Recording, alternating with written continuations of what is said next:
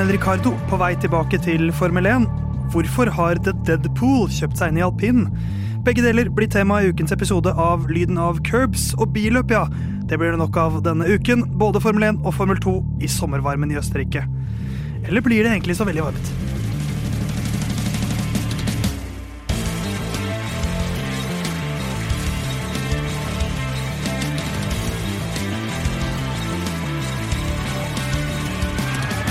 Én ting skal jeg i hvert fall love deg. Det kommer til å bli varmt i studio i dag også, og det kommer til å bli varmt hvor enn du sitter i. Hvis du er i Oslo, så er det sannsynligvis ganske varmt akkurat nå. Hvis du er andre steder, så vet jeg ikke. Da får du høre med Kristen Gislefoss eller noe sånt. Eller bare stikke huet ut og kjenne. Eller bare kjenne på panna di, Jon Halvdan, for den er faen så varm, ass. Hvordan går det med deg, min gode venn? Han er litt varm, faktisk. Nei, det går fint. Det er uh, selvfølgelig sommer. Jeg har uh, bada utrolig mye. Du slår meg ikke som en bader. Nei, men det er blitt det nye år, da. Prøver å Etter et fryktelig hektisk år, egentlig, så er det sånn Kjøle deg ned både fysisk og mentalt. Ja, og prøve å legge minst mulig planer. Men da er det et par observasjoner tilknytta det. Eh, fordi sist gang eh, var ganske nå på søndag, tidlig ute, eh, fikk god plass. Og det var greit. Hvor da? Sørenga? Uh, Ingerstrand. Ingerstrand, ja. Uh, fordi vi har bil. Uh, og da, Det var hyggelig, det. helt til folk begynte å grille, som jo er strengt forbudt nå om dagen. røyke jazztobakk, som jeg kaller det. og ikke minst stille seg rett foran oss med sluk og begynne å kaste fiskestang holdt på å si, ute i sjøen. Ikke, ikke hele fiskestanga, men Men nok om, du, nok om, alt du holder på med på stranda, Jon Hoftan. Ole, er du en bader? Ja, jeg har akkurat kommet tilbake fra en uke på Ibiza, så jeg fikk bada greit mye. For jeg, ja, jeg kunne ikke gå mer enn 200 meter unna enten sjø eller basseng. Nei, og det var, det var kanskje varmt. varmt. også, så det var ikke mulig å gå 200 meter. Ja. For da ble du dehydrert. Vi hadde en sånn tur på den der, vi hadde en sånn tur i den der gamle byen der nede, hvor vi gikk liksom en ettermiddag. Da var jeg en vandrende dam. Ja, ikke sant. 200 meter svetting, det høres ut som en olympisk gren, som jeg tror du hadde vært god i. Ja, jeg hadde i hvert fall produsert mye. Men, men du Theis, har vel vært ute og reist du òg? Jeg har vært ute og reist. Jeg har vært i Bilbao jeg siden sist, faktisk. Oi, oi, oi. Jeg dro jo var det, var det Ja, jeg, jeg, hadde jo en flygning rett etter at jeg egentlig hadde sending sist. Egentlig hadde sending? Eh, ja, Forrige tirsdag så ja. dro jeg hjem, eh, pakka, sov ikke, for flyet mitt gikk klokka seks neste morgen. Eh, så du, var, du var våken på Gardermoen, da? Ja. ja. Jeg, eh, så jeg har vært i Bilbao. Eh, besøkte min mor som bor der en periode. Eh, har drukket pils med spanjoler stort sett hele tiden. Spist god mat? Spist veldig god mat. Pinchos, som det heter der i Baskeland. Ikke tapas. Det må du aldri kalle det hvis du er i Baskeland. Da er du heller ikke i Spania, da er du i Baskeland. Ja. Det er de veldig opptatt av der. Jeg har sett Spiderman-film. Jeg føler jeg må nevne det, for det var en vanvittig kul film. Den nye Into the Sp Across the Spider-Verse heter, heter, den vel. Ja, så den, den tegnefilmen, liksom? Uh, ja. ja. Den så jeg på kino i dag. Oh, ja. I Odeon kinosal 9 på Storo. Ja. Men jeg har lyst til å nevne en historie. På vei hit til studiet i dag så skjedde det noe som jeg, det var for, for rart til at jeg ikke kan nevne det. Jeg, jeg var på vei til et, eh, et lyskryss holdt jeg på å si, hvor det var rødt lys. Og Der står det en fet Mercedes og blaster Las Ketchup-song. Okay. Eh, som jeg ikke har hørt på veldig lenge. Og Du begynte å danse ved siden av, eller? Nei, men så eh, Burde da, kanskje ta promillesjekk på han som satt bak ja, altså, den, den, den, bilen kjørte jo som Jon Halvdan, så jeg regna jo nesten med at jeg skulle se Jon Halvdan der. Ja, men samtidig, du er ikke en Las Ketchup-song-fyr. Nei, jeg kjører heller ikke Merce. Eh, så forventet jeg kanskje ikke helt at det var sånn tre ganske knallharde menn som satt der eh, og digga til Las Ketchup-song. Skal ikke, skal ikke skru hunden på hornet. De kan like Las Ketchup, de òg. Ja. ja, men det er ikke det kunne vært Barbie Girl. Men det var en slags sånn brist da de spilte den sangen veldig høyt, og så kjørte de så stygt. Det føltes ut som en slags krasj. Eh, men, men, det, ble jo, ikke krasj? Nei, heldigvis ikke. Men det var fordi det ikke var noen andre biler her. Fordi de kjørte som rasshøl. Men eh, en som er et slags rasshøl i Luna Curbs. Ja. Som er, jeg holdt på å si, Skal vi omtale elefanten i rommet, men det er ikke noe elefant lenger. For alle vet at Herman ikke er her. Bare. Men det sorte fåret vårt, hvor, hva er unnskyldningen i dag, da? Det begynner jo å bli en vane, selvfølgelig, at jeg kommer inn fra sida sånn midt i sesongen. Ehm, det kommer til å fortsette å skje litt nå og da. Jeg eh, har jo annet booka meg en ny tur til Staten i august, eh, sånn at det vil skje da òg. Men hvor er jeg nå? Nå prioriterer jeg faktisk jobb over curbs. Ehm, og på en måte så kan jeg ta litt sjølkritikk på det, men på en annen måte Jeg har også avlyst, eller ikke avlyst, jeg har sagt at ikke jeg kommer på fotballkamp hjemme i Langangen for min kjære Langangen um, i morgen. Så jeg har tatt to knallharde valg. Ikke møte opp i Lyden av Curbs-episoden. Og ikke møte opp for mitt kjære fotballag, hvor jeg spiller alle kamper, selv om det er pendling hjem osv. Så, videre. så uh, denne gang så er det ikke bare Curbs jeg nedprioriterer. Nå er det mange ting, for jeg må få unna litt jobb. Og Ole gjør en kjempejobb for å dekke inn for meg. Det er det ingen tvil om, men jeg legger jo merke til her at han omtaler konsekvent langgangen og fotball som sitt kjære. Mens uh, Lyden av Curbs omtaler han helt dødt og følelsesløst. Lurer på hvor det ligger på prioriteringslista. Ja, uh, under jobb og under, uh, under reise, under Paddle, fordi Under paddle, under hvis det er litt u, upraktisk. Ja. Ja. Man kunne padla mindre tidligere i år og satt mer tid til oss nå. Jeg har jo mer kjøtt på beinet hvorfor han ikke kan spille fotballkamp i morgen. For det er jo fordi han, har, han har, en slags uh, liten føling i lysken. Ja, ikke sant. Så han har, eh, det kan hende han får en større strekk som da gjør at han ja. ikke kan spille padel resten av sommeren. Vi får, uh, vi får si god bedring til offer fra Aklungen, som jeg har begynt å kalle han nå. og så skal vi dundre i gang med Østerrikes Grand Prix. Det blir sprintløp og, uh, både for Formel 2 og Formel 1, si. Ricardo skal vi prate om, og hva som har skjedd med alpin. Så vi kjører på.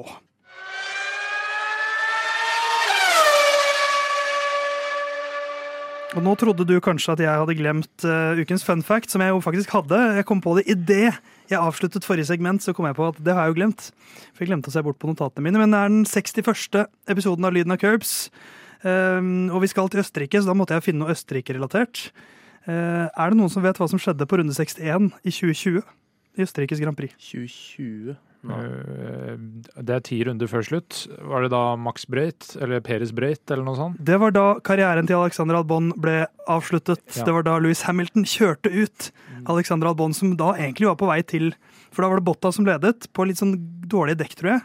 Uh, om jeg husker riktig. Og så uh, Hamilton, og så var Albon i ferd med å passere Hamilton. Uh, og da ble han kjørt ut av Hamilton, og Bottas fes videre.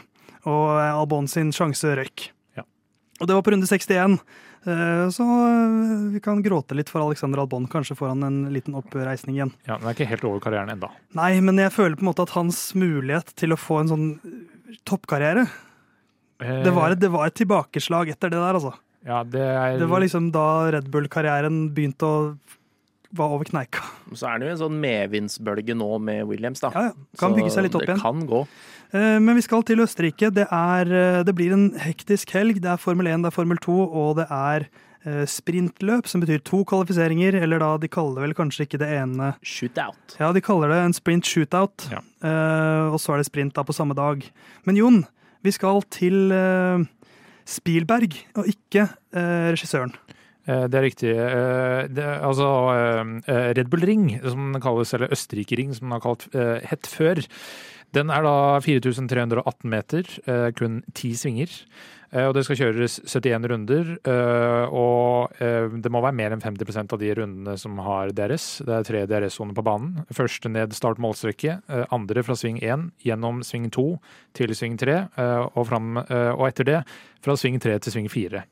Eh, og siden eh, vi har både to reiseglade gutter i studio, eh, og, og jeg liker å reise, jeg òg, for all del, og Herman, som aldri er her Den mest reiseglade av alle? Ja, så Hvis du drar til Styria da, i Østerrike, skal du få et reisetips.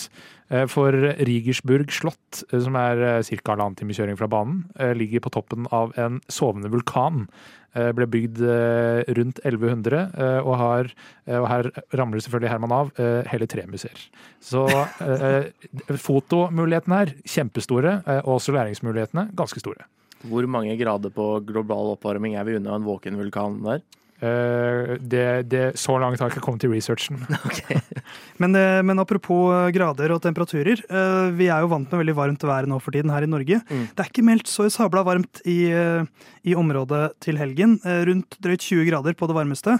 Og regn ganske store deler av helgen. Jeg har slutta å håpe på sånn skiftende vær. Jeg nå, for Hver gang jeg tenker det, så blåser det vekk, og så er ja. det bare ja, for Ifølge Yr så er det 24 grader løpsdag. Ja, Da har de skrudd opp to grader siden jeg sjekka sist. Ja. Da, eh, tenk Men er, varmt det er til helga da. Sier Kristen Gislefoss fortsatt at det er regn? Uh, han sier at det er muligheter for regnskyll, ja, men ikke så mye. Nei, men det skal ikke mer til enn bitte litt. Så kan det bli ganske dynamisk, dynamisk og fint. I, I, fjor så var det Max Verstappen som tok pole position, men det var Charles Leclerc som vant uh, løpet. Jeg så på um, da jeg gikk gjennom resultatene tidligere i dag, så fikk jeg litt sjokk over å se Leclerc på toppen. Fordi ja, men han føl... ikke, vet du. nei, det, nei, det, det er nettopp det. Men, men, det føles så lenge siden at Charles Leclerc vant noe. Vant et løp på liksom fjorårssesongen hvor Ferrari var så bra til å begynne med. det liksom, føles jo lenge siden noen vant noe utenom Red Bull, egentlig. Det er et sjokk å se noe annet enn Max Verstappen på toppen av resultatlisten nå, egentlig. Ja. Eh, men eh, Verstappen har vunnet der tidligere, tre ganger. Eh, Mercedes har selvsagt hatt en dominant periode der også. Hamilton har vunnet, men bare én gang, så Bottas har faktisk vunnet to ganger. Og Rossberg har vunnet to ganger, det er de siste siste vinnerne der. Det er jo litt tynnere luft, bitte litt tynnere luft her, så mulig Mercedes kan komme seg opp i året òg? Ja, det er jo uh, Vi skal komme til, til spådommer eh, litt etter hvert, si, men, eh, men, det blir jo en sprinthelg igjen, dette. Ja, Det var for øvrig sist seier til Leclerc. Ja, ikke sant. Så det var um, Det er lenge siden, da. Ja. For det var litt sånn siste hurra, ja. At de, de, hadde begynt å slakke litt av. Sakke litt akterut i VM-kampen. Ja. Og så var det liksom Nå kommer det igjen. Ja, De tok bedre vare på dekk i fjor, eh, og det gjorde at de, de, det var på ordentlig race pace at de kjørte forbi Forstappen. Vant vel å merke med halvannen sekund, men eh, Det holder, det. det Kunne blitt mer poeng òg, men bilen til Science tok jo fyr. Ja. Aldri praktisk. Eh, men da blir det jo bare én treningsøkt. Den er på fredag 13.30, og så er det kvalifisering klokka fem. Til hovedløpet. Til hovedløpet. Og så er det da en sprint shootout på lørdag eh, klokken tolv, og da sprintløp 16.30 før da løpet er klokka tre på søndag. Mm. Um, årets andre sprintløp, er det ikke det? Jo, først var Baku. Eh, det høres riktig ut. Ja. Uh, det at vi ikke husker det, er jo et tegn på at det kanskje ikke var så uh, baluba sist. Hva syns du om sprintkonseptet sånn som det er i år, Ole? Det er bedre i år enn det det har vært tidligere. I hvert fall i og med at de har en egen kvalifisering.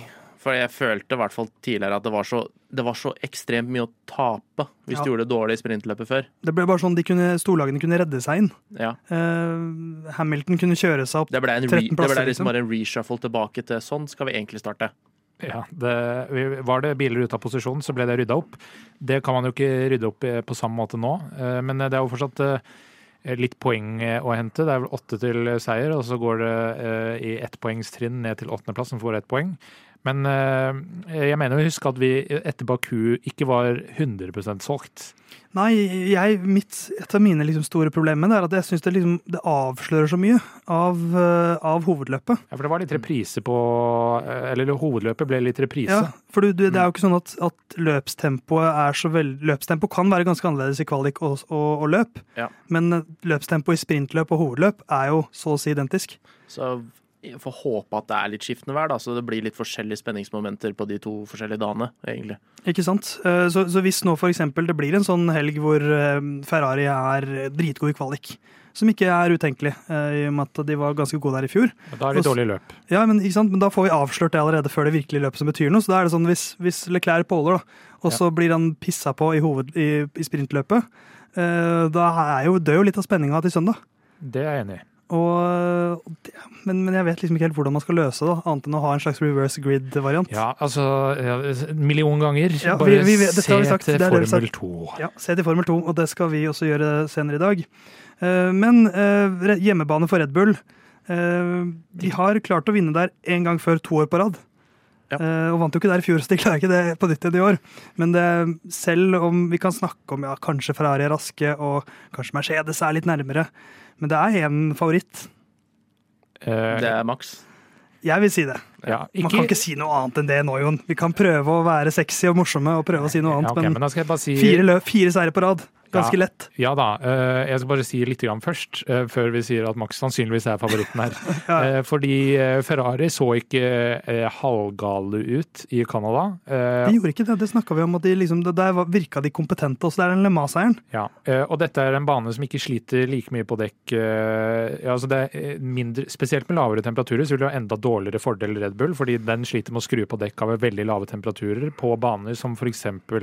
Red Bull Ring. Og det vil være fordel for Ferrari, som da kan ta bedre vare på dekk og holde et høyere race pace gjennom hele løpet. Så, eh, og så er det jo masse, mange høyhastighetssvinger, da. Det vel, kan vel gjøre at Aston Martin og, Ferrari, nei, og, Mercedes også kan melde seg litt på. Ja. Eh, nå er ikke den eh, noe eh, sinke i høyhastighetssvinger. Nei da, jeg sier ikke det, men jeg prøver, prøver ja. bare å skape spenning. Men det kan, kan, bli altså Det var jo det tetteste løpet vi har sett på lenge i Canada. Det kan gjenta seg, eh, men Ja, det kan han da. Men Max hadde også uttalt at det var litt For Han hadde fått spørsmål om det om åh, nå begynner det å komme litt tettere opp til dere, men det var litt pga. værforholda òg, at det ja, ja. var litt tettere i Canada. Og da hadde han vel også en død fugl i en av bremsesjaktene? Eller ja. var det løpet før? Nei, det var det samme løp. Kjørte han rundt med ei fugl i bilen? Død fugl som var i en av bremsekanalene. Ja, okay. Så jeg tror ikke den ene bremsa var like kald som den skal være. Men, eh, men fordi det var kaldere, så var det eh, muligheter for uh, Altså derfor ble det tettere. Så sannsynligvis så tegner det et bitte litt falskt bilde av uh, hvordan det ser ut.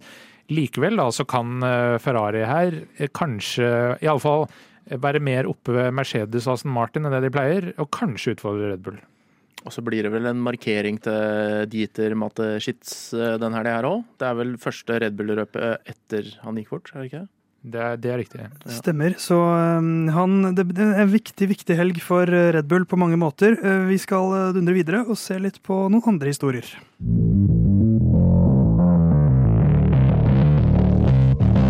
Sergio Perez trenger bare en sterk helg som bygger litt selvtillit. Det sier doktor Marco før Østerrikes Grand Prix, og da lurer jeg på, gutter, hva er en sterk helg for Peres nå? Er ikke det podium, da? Ja, det er P2. Det er P2? Ja. P2, P2. Altså kvalifisere han P2. Slå, han bare blir slått av Max. Um, at det bare er Max som slår han. Ja. ja. I alle session.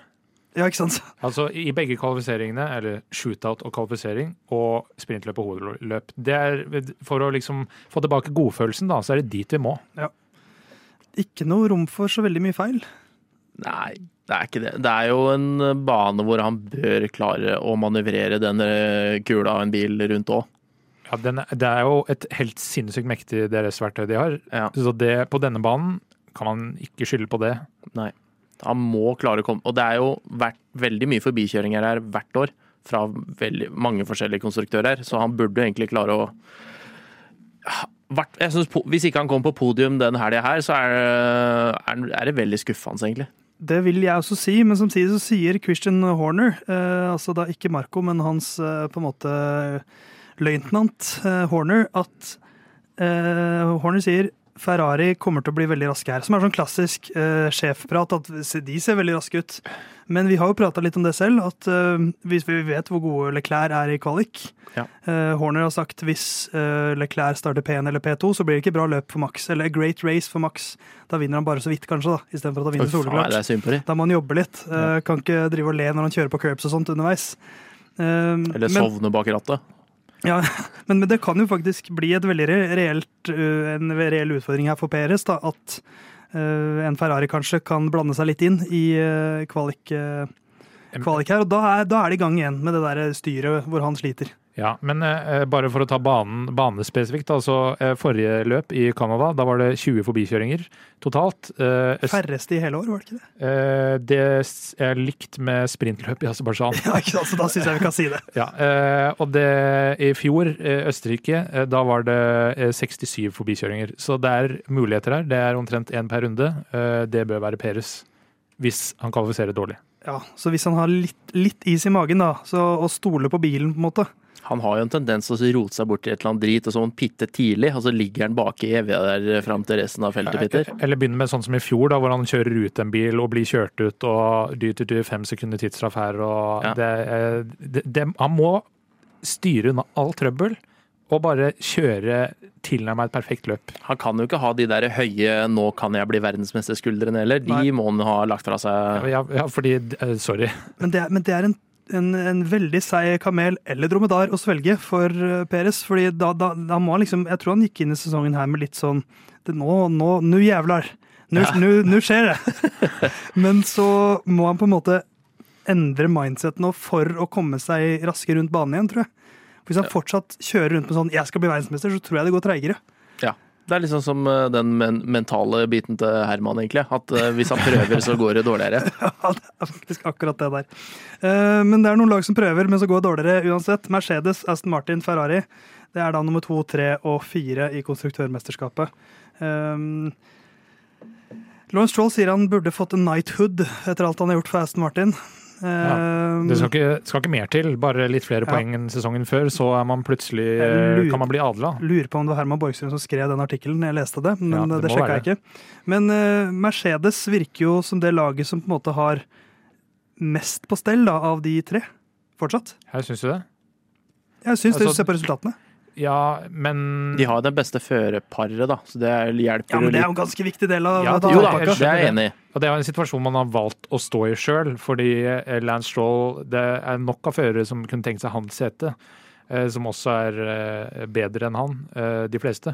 Så det er jo Førerparet har mye å si, men sånn driftmessig så syns jeg ikke Aston Martin får, virker ikke til å stå tilbake for Mercedes PT? Nei, men jeg syns det er et forbehold, ganske stort forbehold der. At førerne er tross ja, Sånn som Zac Brown sier 'I'm a driver guy', eh, da de ble spurt om de ville ha bil eller fører.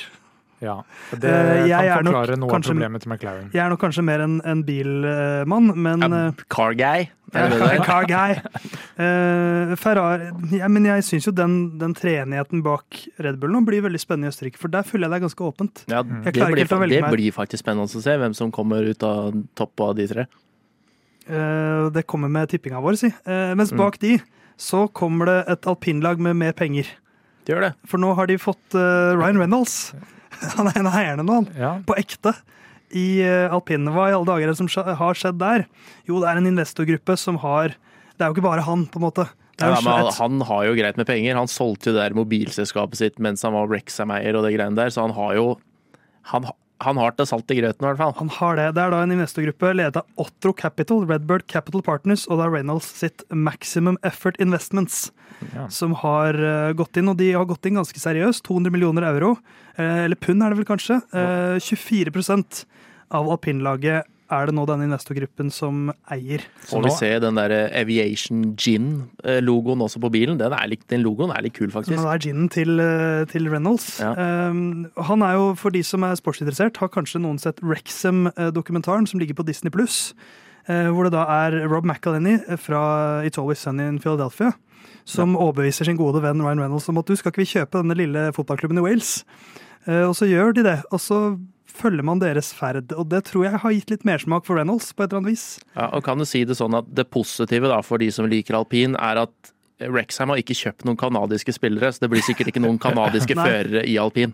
Nei, og det er positivt. De, de, har vært veldig, for Det skal Reynolds og McAlenny ha i den serien. De de, det virker som de har på en måte skjønt greia litt. Ja, Vi bare gir penger, og så kan de med, de med fotballhoder styre det. Så nå er det da de med motorhoder som skal få lov til å fortsette å styre alpin. Så da må de bare finne sin Dan Fellows da, uh, ja. for å få inn i laget. Uh, for Laurent Rossi var ute og, altså CEO i alpin, uttalte at uh, slags wake-up call, denne forbedringa til Aston Martin, så vel nettopp en forbedring Altså hvor mange forskjellpoeng, og det er ganske mye Aston Martin har henta på en sesong. Alpin, som har hatt ambisjoner lenge om å hevde seg der oppe, eh, har for alltid vært lag nummer fire. Ja. Så, så, i motsetning eh, Eller alle utenom Herman da har jo fått en ny favoritt-kanadisk eier i Formel 1, på en måte. ja, stemmer, stemmer. Og mens du sier, som du sier da, Jon, alpin, som veldig lenge har vært nummer fire, er nå nummer fem. Uh, med ganske god margin. De har 44 poeng, som er de har cirka, uh, altså Ferrari på plassen over har ca. tre ganger så mange. Mm. og så er det da McLaren, som har vært på en måte McLaren og alpin føler jeg man kan si veldig mye av det samme om nå. Mm. At du har et gammelt storlag. Alpin da som Renault, da vant jo de et par ganger. Uh, og så har de snakket om at nå, nå skjer det, nå skjer det, neste år, neste år. neste år. Og nå ligger de der på femte- og sjetteplass og henger ikke med i nærheten uh, i toppkampen. Men samtidig så har de vært stabilt på det nivået de har, da. Mens McLaren er... på en måte har svingt ned i en dal og så opp igjen, så de ja, de Helt opp har de ikke kommet ennå, da. Men... Nei, de er ikke, de, jeg syns ikke McLaren er på oppe der de var. Mens Alpina har på en måte vært stabile Eh, fra sesong til sesong. Ja, altså Det er jo fra det Honda-prosjektet da, hvor eh, ting gikk litt skeis. Og der er det eh, mange grunner til eh, at det gikk galt. Det er dårlig samarbeid innad i, eh, mellom eh, motor og lag, ja. eller konstruktør. Men Eh, nå burde det liksom være på vei oppover, men at Andreas Stella eh, forlot eh, til fordel for å skulle overta etter hvert Audi, det er liksom ikke et godt tegn for McLaren og Zac Brown, syns jeg. Han er opptatt av sponsorer. he's a driver guy, ja. og da er det bitte litt feil fokus når det også er et konstruktørmesterskap. Det er jo tross alt bilen som er aller viktigst, tror jeg vi alle er enige om. Ja. Men Renault, ah, nei, alpin de lider jo også det at de har alltid Vi har alltid snakket om at de har bra aero, men de, selv om jeg syns det er kult at det er veldig mange forskjellige motorer på griden, så lider de jo på en måte også at de bygger egen motor, at de har Renault-motor. De for det er ikke den beste. Nei, ja, men det er jo uh, et, et, lite problem. Det store problemet er at de får ikke Altså selv Red Bull får jo mer data enn de, ja. uh, fordi de har fire motorer til sammen. Renault har bare to. Ja. Eh, så vi kan ikke se hvordan det funker hos eh, kundene, for vi har ingen kunder. Det jeg i hvert fall håper, er at de får noen feite eh, Deadpool-detaljer på bilen sin etter hvert. Men det er det vel egentlig Disney som må si ja til, i og med at det er de som eier de rettighetene. Og det blir dyre rettigheter. Men tenk å få Disney F1-team Men en Mickey Mouse-design. Da, da, snakker vi. Det, og med noen... sånn prinsessekjole-racesuit. Oh, Elsa fra Frozen-bil. Da er jeg med. Forskjellig livery hver helg. Nei, nå skal jeg ikke drømme meg helt bort. Uh, er det noe mer vi vil si før vi går og tipper? Uh, nei, jeg tror ikke det. Da tipper vi.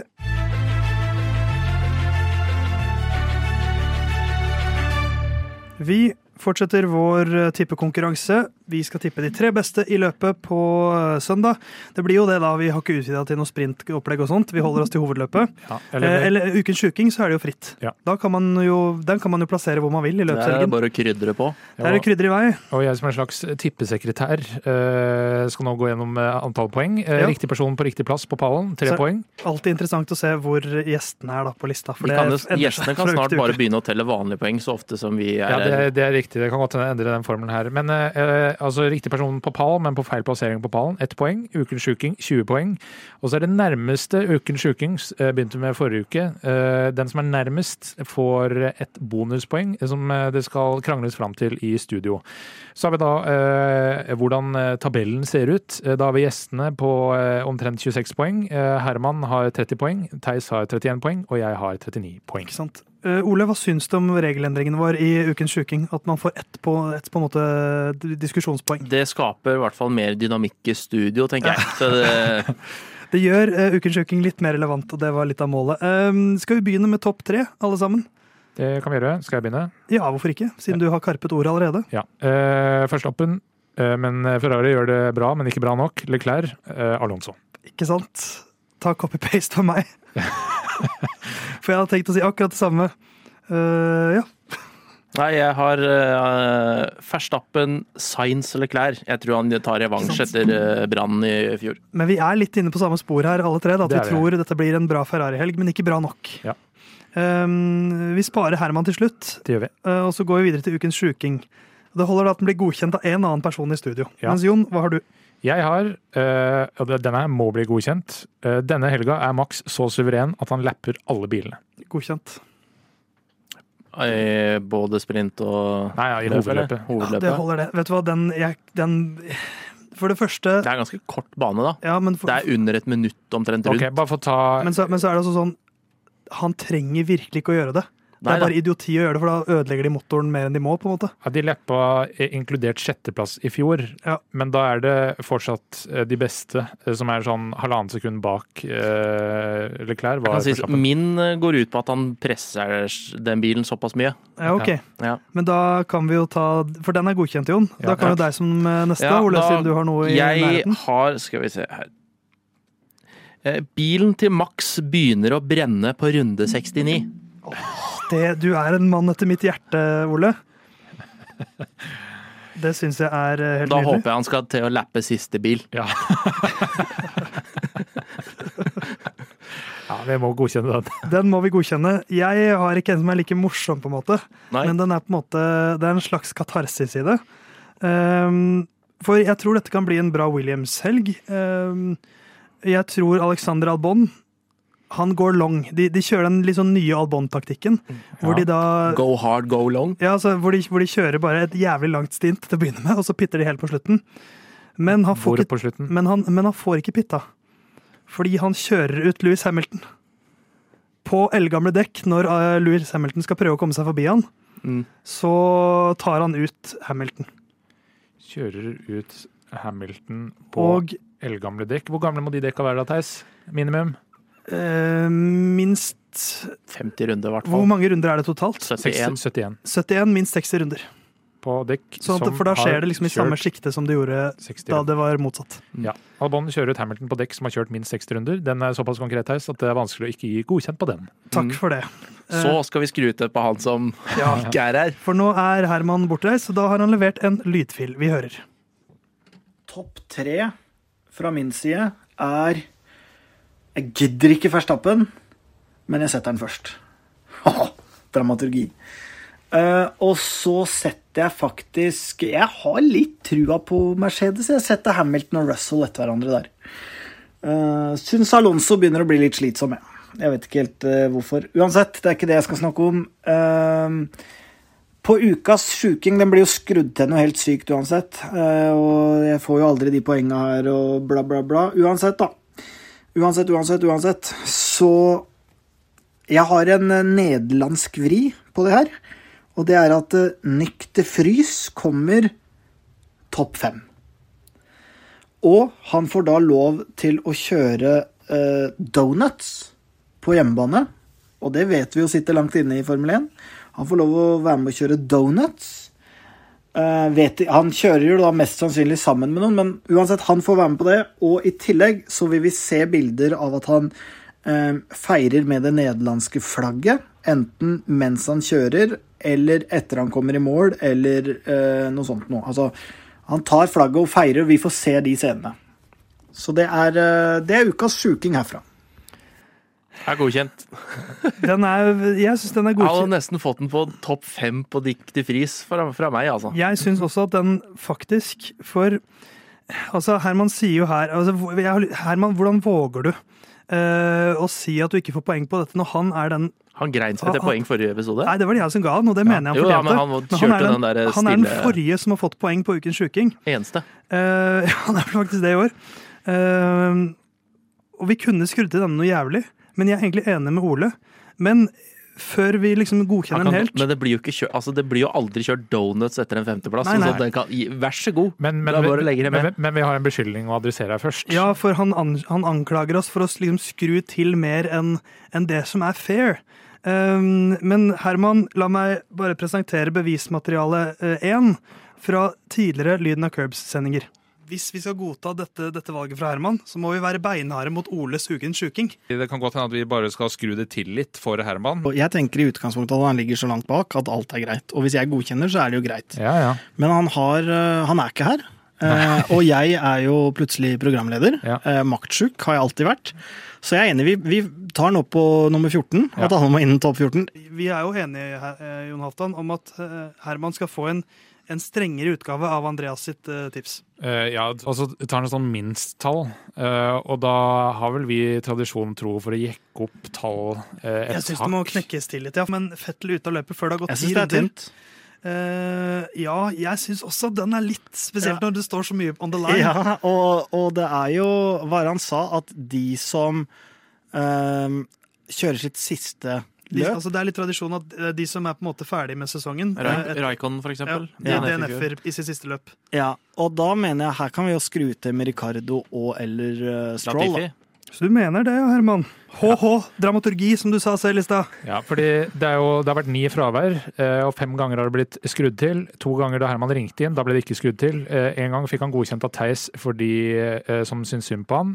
Og i Monaco 2023 ble det ikke skrudd til fordi Herman leverte ingenting. Ja, Og denne gangen så syns jeg det skal godkjennes fordi jeg syns det er nok skrudd til. Ja, jeg er enig i det. Og da syns jeg ikke vi skal skru til bare for å skru til, fordi at å si topp fire istedenfor topp fem, det spiller ingen rolle. Det var jo en hel smørbrødliste med ting ja. som skulle skje. Så så Herman, det der off, den der offeret offer, fra Åklungen, det der kan du bare roe ned. Du får den godkjent. Så får vi se om han klarer å krangle seg til poeng neste uke, da. Ja.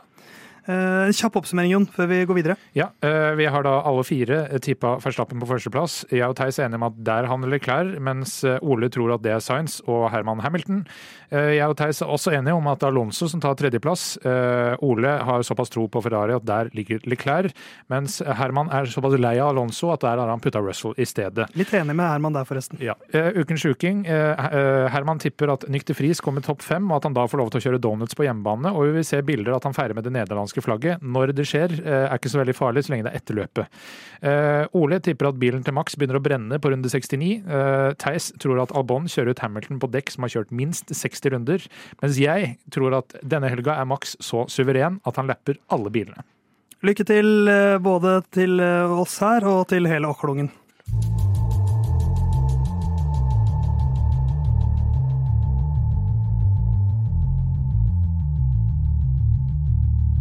Årets sesong i Formel 2 eh, var planlagt å være 14 runder lang. Emilia Romania forsvant i regnværet og ekstremværet der, mens det da ikke kom noen erstatter, så det blir si 13 runder skal kjøres. Eh, de har kjørt seks runder. Den forrige var for en snau måned siden i Spania.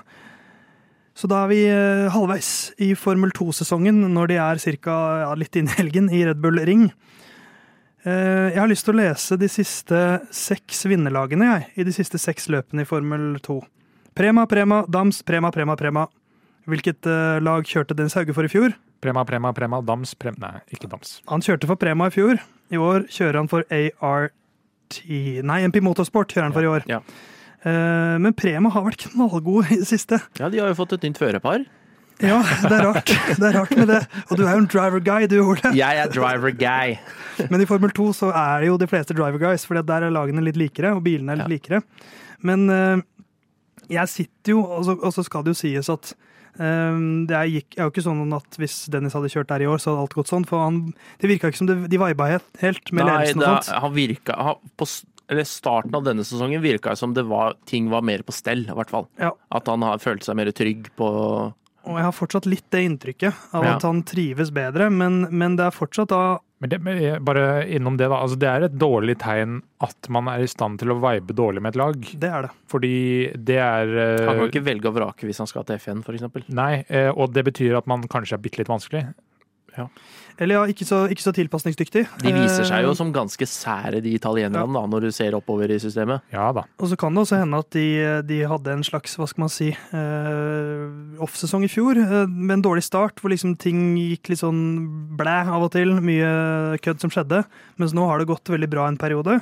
Og så er det ikke gitt at det varer. Vi er fortsatt bare, det, er, det er fortsatt bare halvspilt. Ja. Men han må begynne å gjøre noe mer spektakulært skal han ha en fremtid i Formel 1. Og da ikke krasjmessig?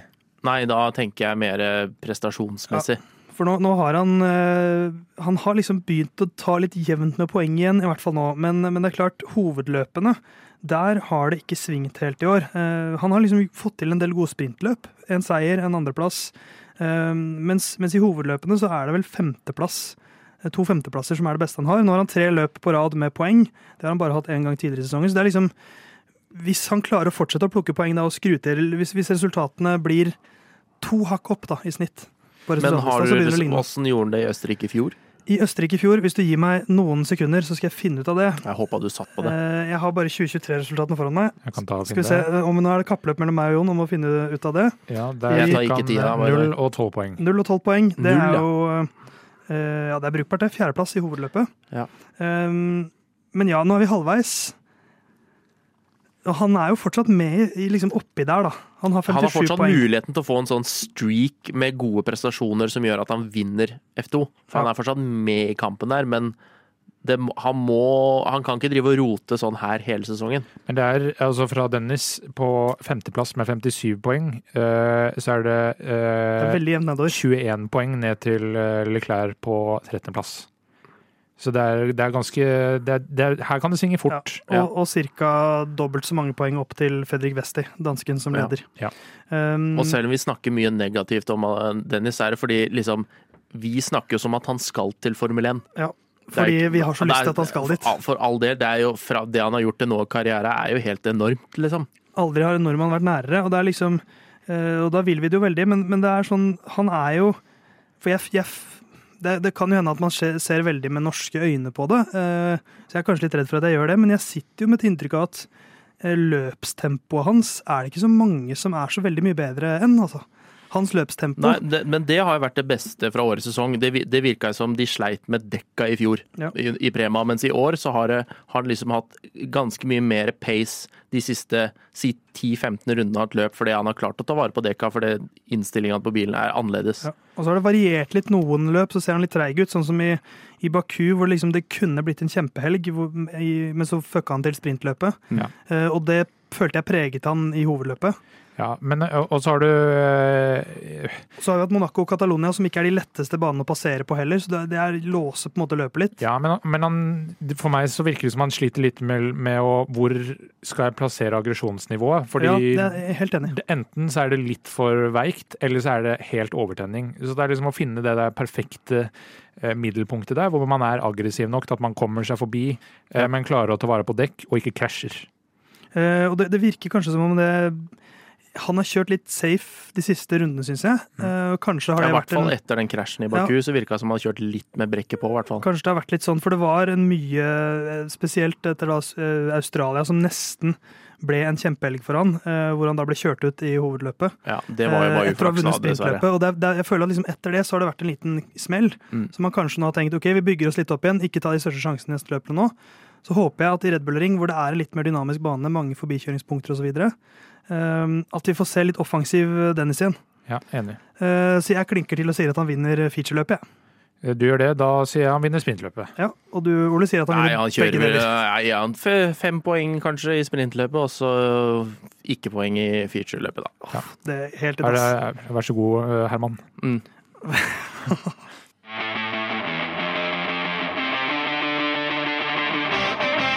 Dennis Hauger er jo fortsatt en del av eh, Red Bull-gjengen. Eh, så sånn sett en slags kollega av Daniel Ricardo, eh, hvis vi slags. legger godvilja veldig til.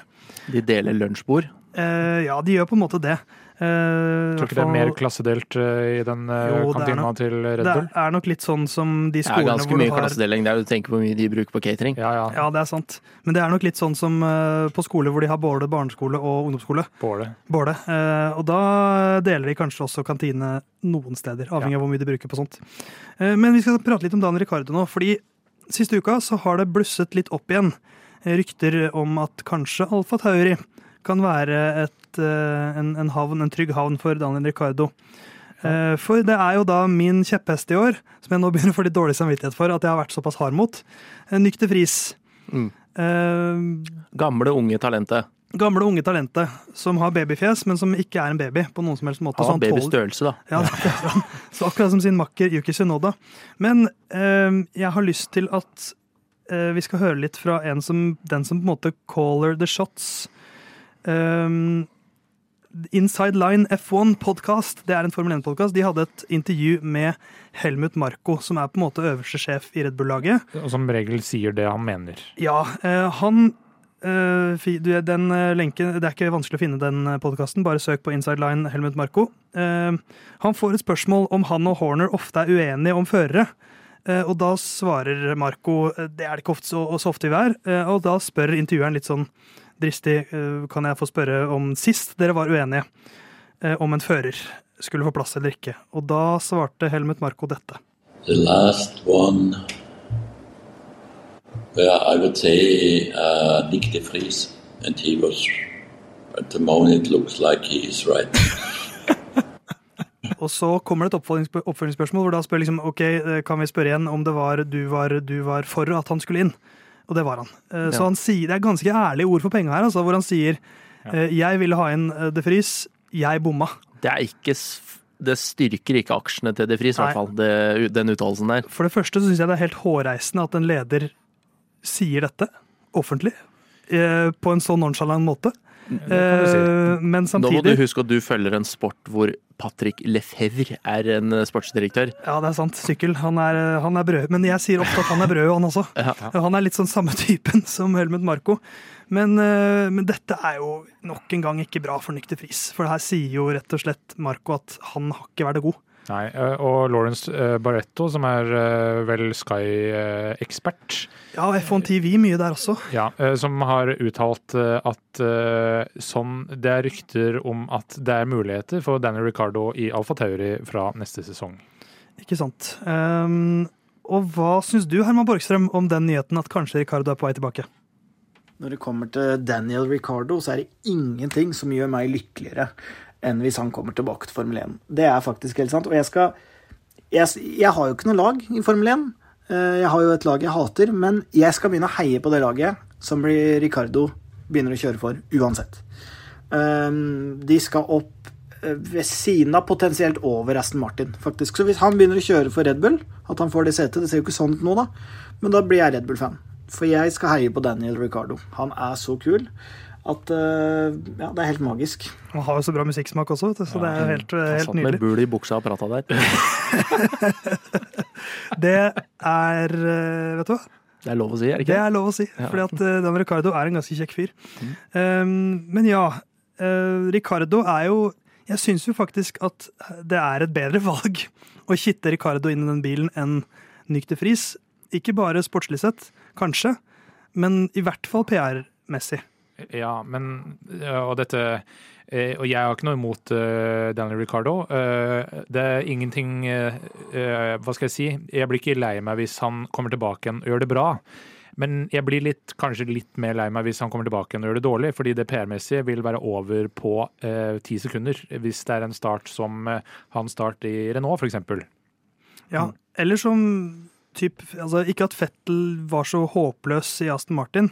Eh, bra siste sesong der, men, men, det var liksom ikke sånn Jeg tror man overvurderer litt effekten av et stort navn. Hvis det store navnet ikke presterer, så glemmer man det litt. Ja, Og så er det jo dette Alfa Tauri. Det bare trist å følge med. Ja, altså, Hvis han svirrer rundt og blir Det handler litt om bil nå, da, men sånn som hvis han er på nivå med Sunoda, da, eller kanskje litt bak, til og med. Ja, Det var så, den følelsen jeg satt med når Aston Martin signerte Alonso òg. Fordi han siste sesongen han, før han la opp, var han jo ikke han var ikke briljant. Nei, mens nå er, snakker vi masse om Alonso, så hvis det ja. blir en sånn Men igjen, det handler jo også om Aston Martin sin framgang. Hvis, hadde, hvis, han hadde vært kjørt på en måte like godt, men det var sjetteplass ja. han tok, så er spørsmålet igjen hvor mye hadde vi egentlig prata om? Og hvis Peres sin kontrakt går ut neste sesong igjen, at da Ricardo kjører et ja. år i Alfa Tauri, og da blir andre i Red Bull, f.eks.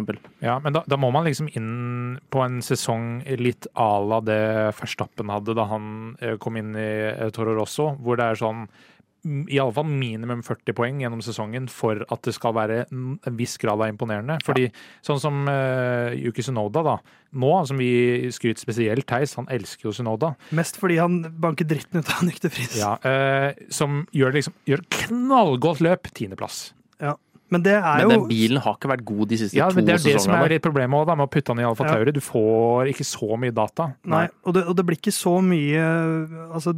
Men han har jo bare lyst til å kjøre Vegas, ja. og så være ferdig der. Ja, det er klart. Men, men det er sånn, altså, hvis du hadde satt uh, Hamilton da, i en bil som er god nok for P10, så blir ikke det like mye altså, Bare fordi det er Hamilton, så får du ikke automatisk masse mer oppmerksomhet rundt en tiendeplass enn en da er det fortsatt andre- og tredjeplass folk snakker mest om. Ja, og da må du inn Ja, da må du liksom OK, en knallgod sesong i uh, Alfa Tauri. Uh, inn uh, makker med Max Verstappen, fighte til døra ja. neste sesong. Altså, da er vi Det er stigen ja. man må gå for at det skal på en måte være verdt det. Og da er vi tilbake igjen til uh, der Ricardo uh, iallfall så ut som han ja. skulle være. Ja. ikke sett ut de siste sesongene. Og hans, hva skal jeg si, aura ellers det er der han egentlig hører hjemme. Mm. For foreløpig så står ikke talentet til selvtilliten. Uh, og det har han jo innsett litt, da, siden han nå har trukket seg ut. Og det vil jo være litt fallitterklæring å akseptere ja, det blir Alfa Tauri-sete fordi Red Bull-sete potensielt er mulig. Et sete jeg ga fra meg. Ja. Ja, og det, og det... Jo da, men nå har han liksom vært rundt og prøvd alt det andre, så nå veit han på en måte at OK, jeg har prøvd å kjøre min egen, eh, seile min egen sjø, være førstefører. Jeg evna ikke, eller bilene var ikke gode nok, jeg må tilbake til den beste bilen. Ja. Men så er det da, hvis, hvis han hvis det nå blir at han skal inn i Alfa Tauri neste år og kjøre dritbra, og så skal han da, da, er vi, da er vi snakk om etter neste år, så da, da har det gått seks sesonger siden sist han kjørte i, Red Bull. Mm, ja. uh, og han har ikke blitt noe yngre på de årene.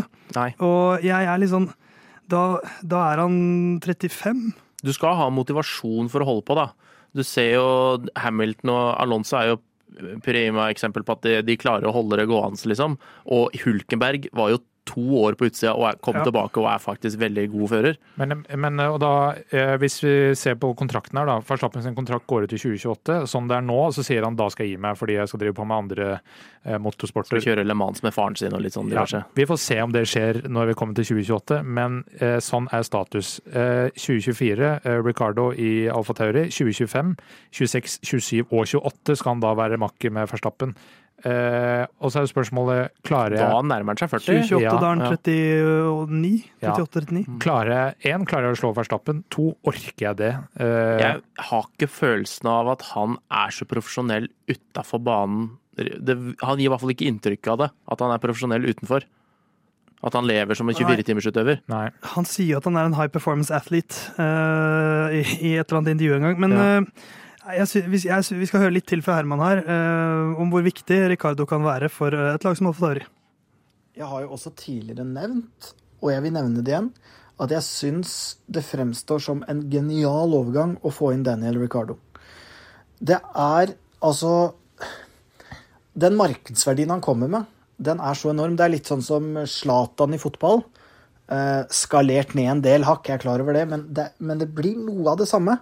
Hvorfor henta AC Milan Zlatan tilbake? Jo, enorm markedsverdi. Det er bra for sponsorer, fans digger det.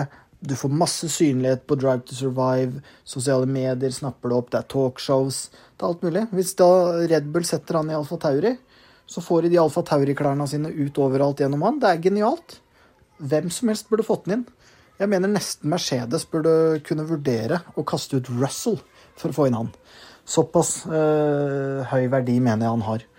Så det er sikkert, Nå skal John Halvdan si at det har han ikke, og det er det sportslige som teller, og alt det der, og sånn, men tro på meg, ja, folkens. Ja, for jeg vil uh, gripe ordet først her og si at det med Mercedes er jo ren bullshit. Men bullshit. jeg har lyst til å slenge en liten olivenkvist til min venn, uh, som jeg faktisk vil kalle Herman, uh, min venn.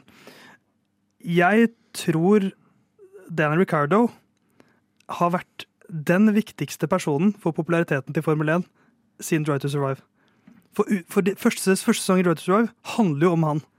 Tenk ja, ja. så mange fans han, har, han flest, har, sørget for. Bortsett fra de siste sesongene hvor jo, jo. Christian Horner har flest minutter på den skjermen, men, så er det jo Ricardo som men, hadde de første. Tenk for en, en, rekrutterer han egentlig har vært for Formel 1-sporten. Så, så, på det området at han, hans likability og hans litt sånn annerledeshet har vært ekstremt viktig for Formel 1, men ja, hvis, De portene er åpne nå. Jeg tror ikke hans verdi er så stor lenger som Nei. den kanskje var. Og da kjørte han også, ikke syklet, for et topplag. Ja, og... og, den historien er ikke like sterk i Alfa Tauri. Eh, og eh, analogien til et fotballag med elleve spillere der man kan bytte ut eh, folk også, eh, det er ikke helt det samme her. Hvor det er altså Eneste grunn til å bytte ut er liksom skade eller sykdom.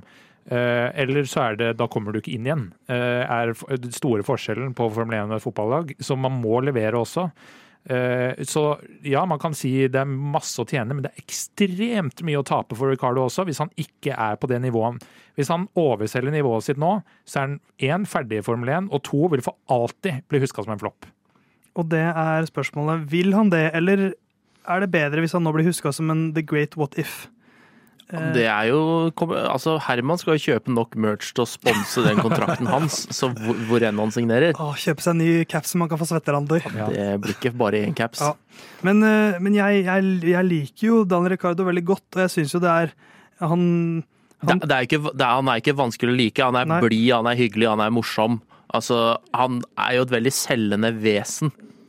Men det, når, de, når de ikke liksom leveres på banen, da, som det er det viktigste for denne idretten. Ja, det, du kan selge mye, og det er mye PR, men du tjener jo også ganske mye penger på å komme høyt opp i konstruktør, konstruktørmesterskapet.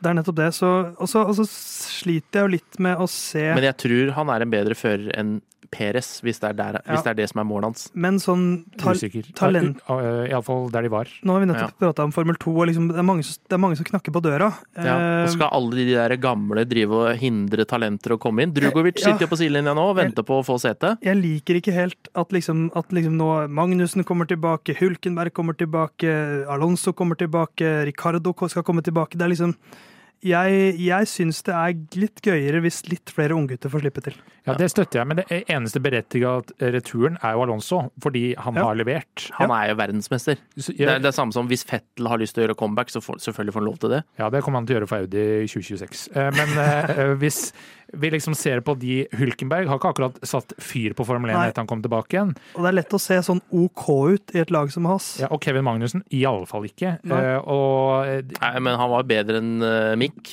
og Hulkenberg har nå kommet inn og vært bedre enn Jeg er uenig i det at han var så veldig mye bedre enn Mick, for det var en ræva bil. Men du vet hva Kevin gjør? Han er sånn, han er sånn type elev som ja, rekker opp hånda på første spørsmålet, ja. som er det lette. Svarer riktig. Og så svarer han ikke på ett eneste spørsmål resten av timen. Men han, har vært, han, går, han, han går tidlig. Han er jævla lur, da. Ja, og kynisk. Ja. Minner meg om en kompis jeg har i Åklungen. Ja, men uh, jeg, jeg, det høres ut som jeg er veldig negativt at Ricardo skal komme tilbake igjen. Det er bare, jeg vet, jeg, altså Ingen her som vet nivået hans. Ja. Du, er bare, du, er, du bare frykter skuffelsen hvis han er dårlig. Det er det du frykter. For det første så må vi finne en ny tredjemann her i studio, som er noe vi gjør annenhver uke. Da må vi gjøre det hver uke. Ja. Det kan jo faktisk hende ja, han, jo... han, skal være en groupie som skal reise rundt med Ricardo. Nei, hvis Ricardo ikke kommer inn, så er den døra lukka, og da er Hermans Formel 1-interesse over. Så vi trenger Ricardo i Formel 1. Men uh, la oss ta en runde, da. Jon, kjører Ricardo i Formel 1 neste år? Og hvis ja, hvor? Uh, ja, Alfa Tauri. Ole? Ja, copy-paste. Copy-paste her også, men hva med 2025? Jeg, jeg, jeg er positiv, sier ja, Red Bull. Ja. Ole? ja uh, jeg tror da han er i, fortsatt i Alfa Tauri et copy-paste på Ole sin vurdering. Og så tror jeg det blir hans siste år i Formel 1. Ja, at han får kjørt Vegas, det var det han hadde mest lyst til av alle løp. Og da er han. Da er han ferdig, i hvert fall mentalt. Ja, eh, Herman er alltid ferdig mentalt, så vi nærmer oss slutten av vår sending. Men ikke helt ferdig ennå.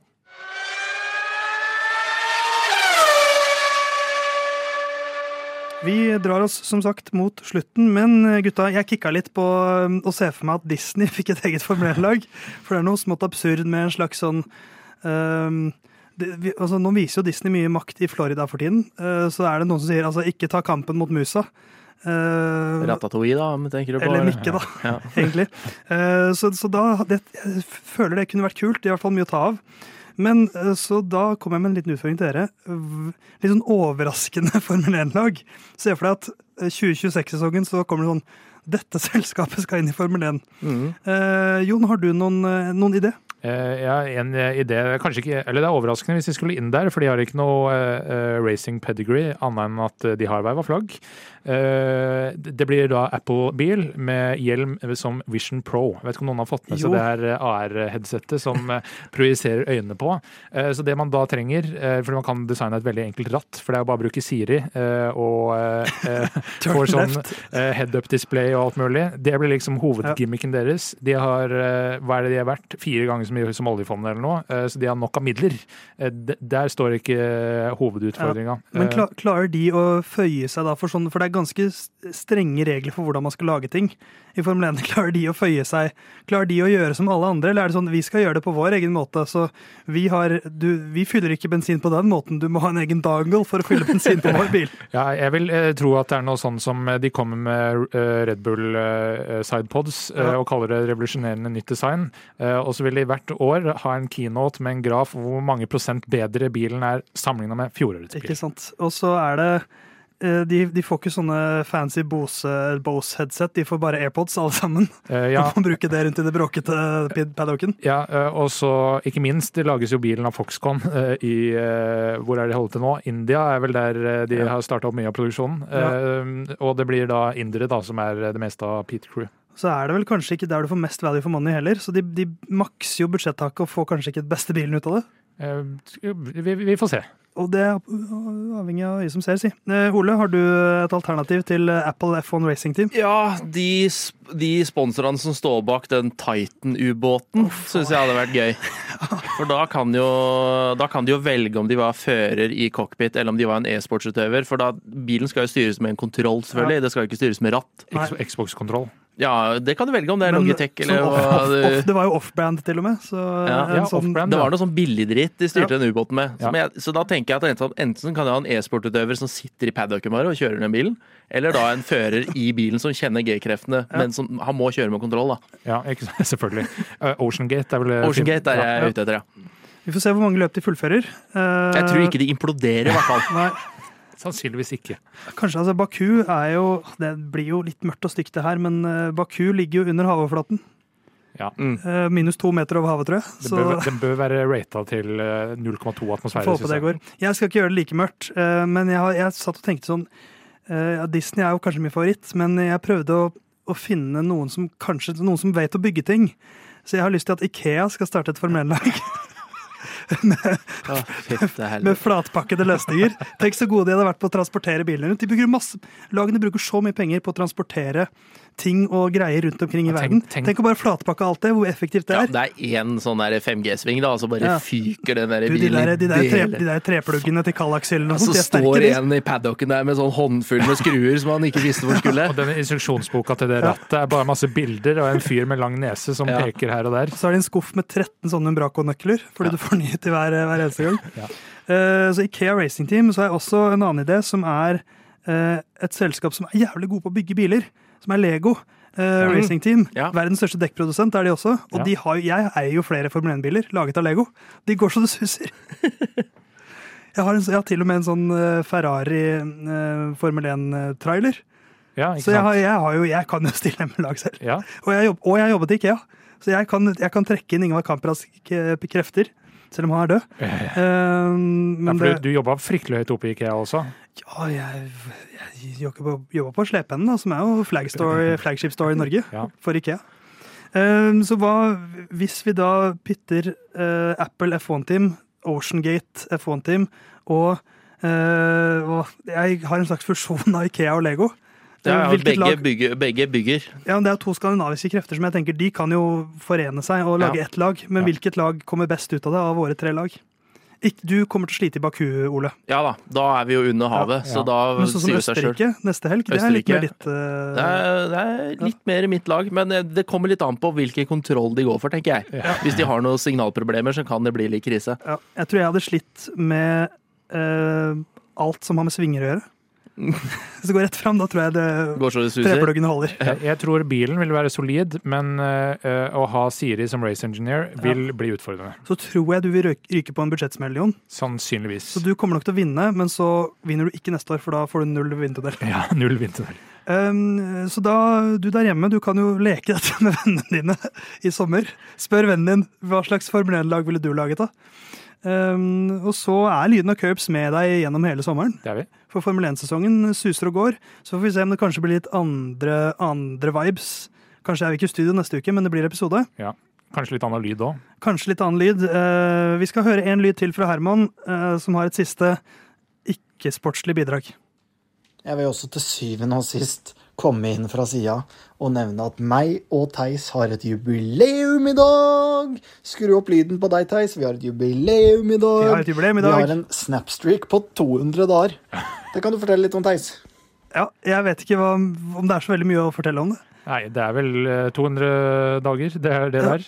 Uh, og jeg er fortsatt bare kollega. Er det, inn, hva, de to, er det 200 dager med innhold, eller har det vært noen dager nå med litt dødtid hvor dere bare har sendt Nei, vet du hva, det er, det er ikke mange av de 200 dagene som er dødtid.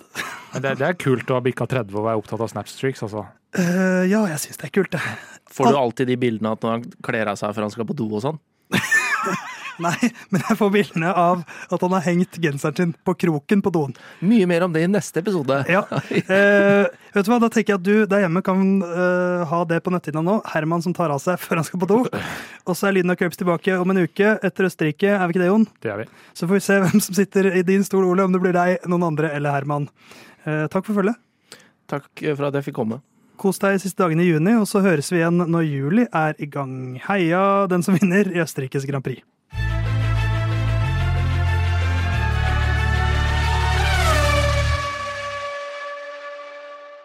Good luck this weekend, Stroll. Thanks.